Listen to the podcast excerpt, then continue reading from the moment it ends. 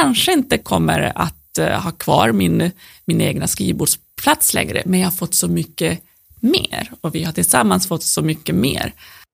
Vad betyder medarbetarengagemang i praktiken? Hur gör man för att öka arbetsglädjen och samarbetsförmågan på arbetsplatsen? I den här podcasten pratar vi om att göra. Tillsammans med experter, ledare och HR-specialister får du konkreta tips som hjälper dig med dina utmaningar i din vardag och som ökar engagemanget i din organisation. Välkommen till en Frankly och People First podcast. Jag heter Kristoffer Sandberg och nu kör vi.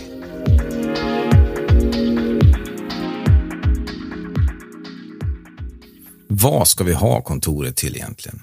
Det senaste årets mer eller mindre frivilliga förflyttning av arbetsplatsen från kontoret till hemmet har helt klart satt fart på diskussionerna.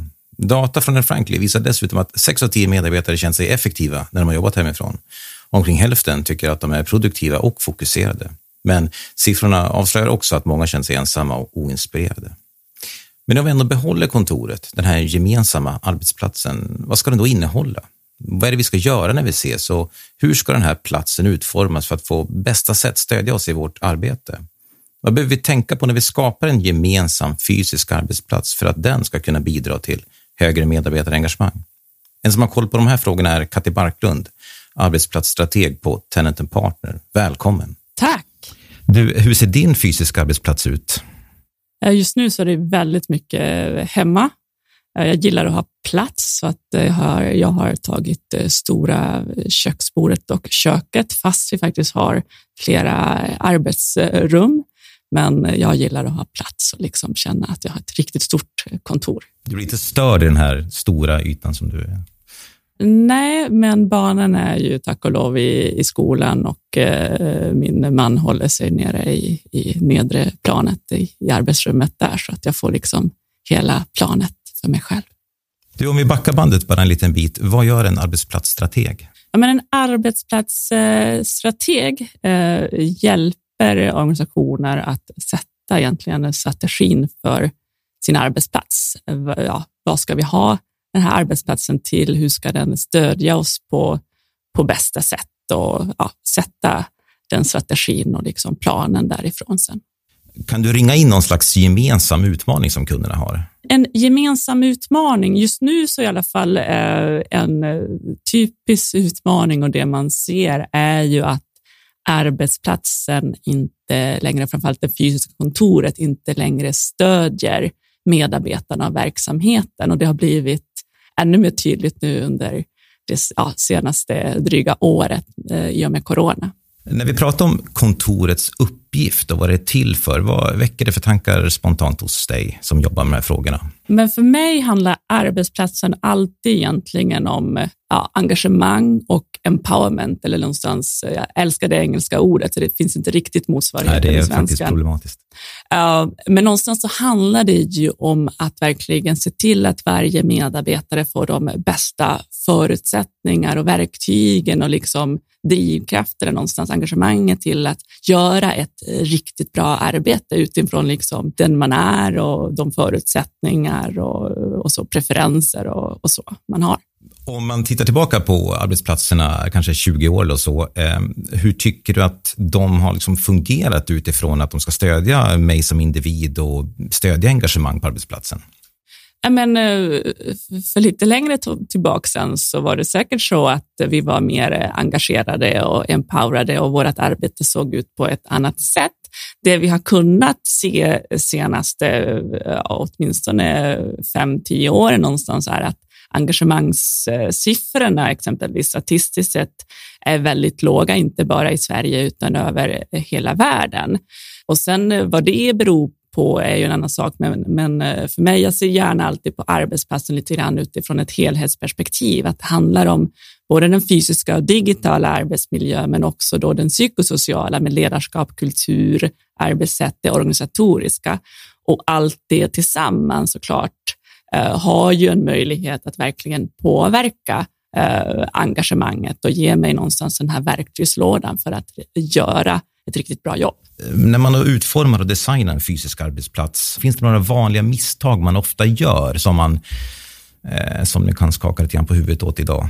Väldigt mycket av om misstag eller så har nog varit mer på en strategisk plan. För det första så kanske man inte ens har haft en, eh, ett strategiskt tänk med sin arbetsplats, utan det har bara uh, varit där mer eller mindre. Och då är det liksom egentligen några nycklar som vi behöver någonstans uh, få till.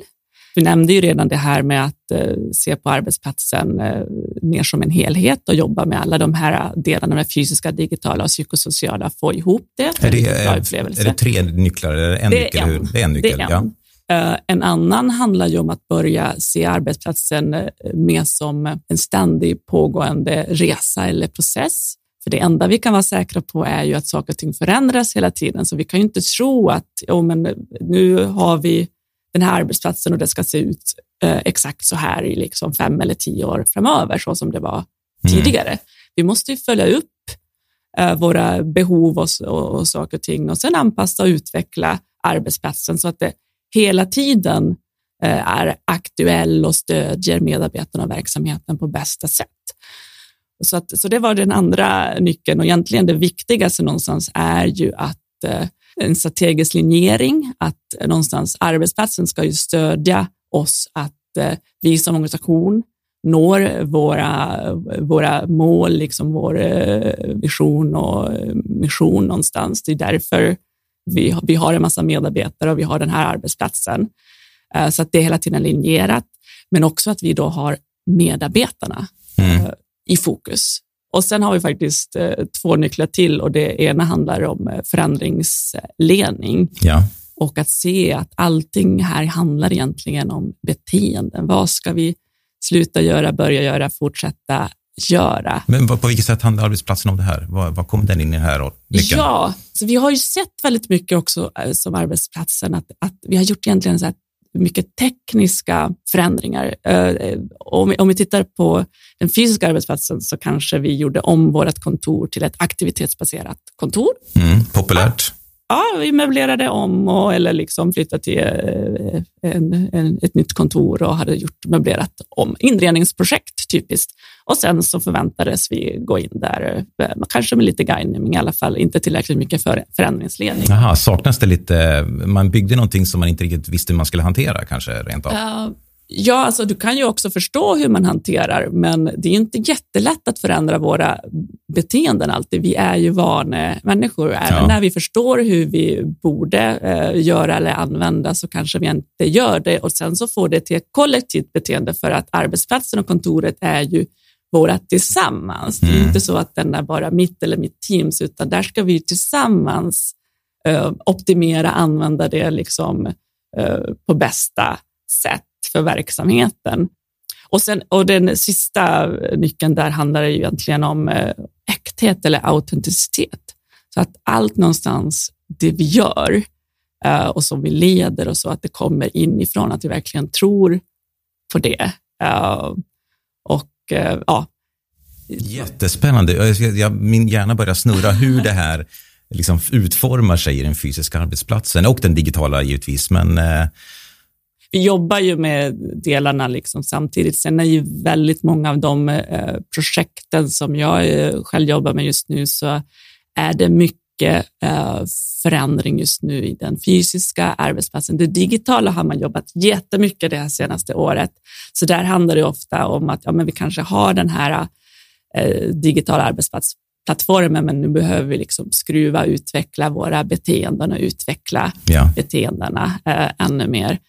Och, och vad gäller då det psykosociala med liksom både distansledarskap, självledarskap mm. eh, och så där har vi jobbat en hel del, men vi kan ju också addera dit förändringsledning och, både ja, leda och verka någonstans i förändring, för det är ju också sådana här färdigheter vi alla kommer behöva, både på individ, team och organisationsnivå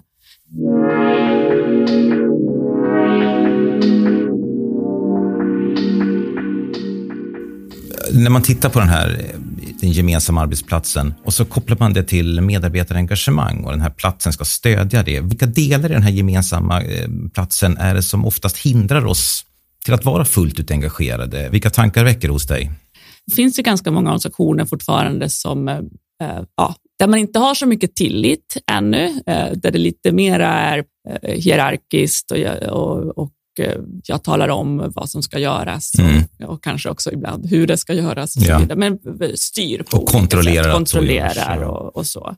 Och någonstans så behöver vi ju ta oss och ganska mycket har tagit oss i väldigt många organisationer under de senaste åren eh, oundvikligen till att ta ett steg i den här tillits eh, eller liksom till nästa trappsteg som är tillit.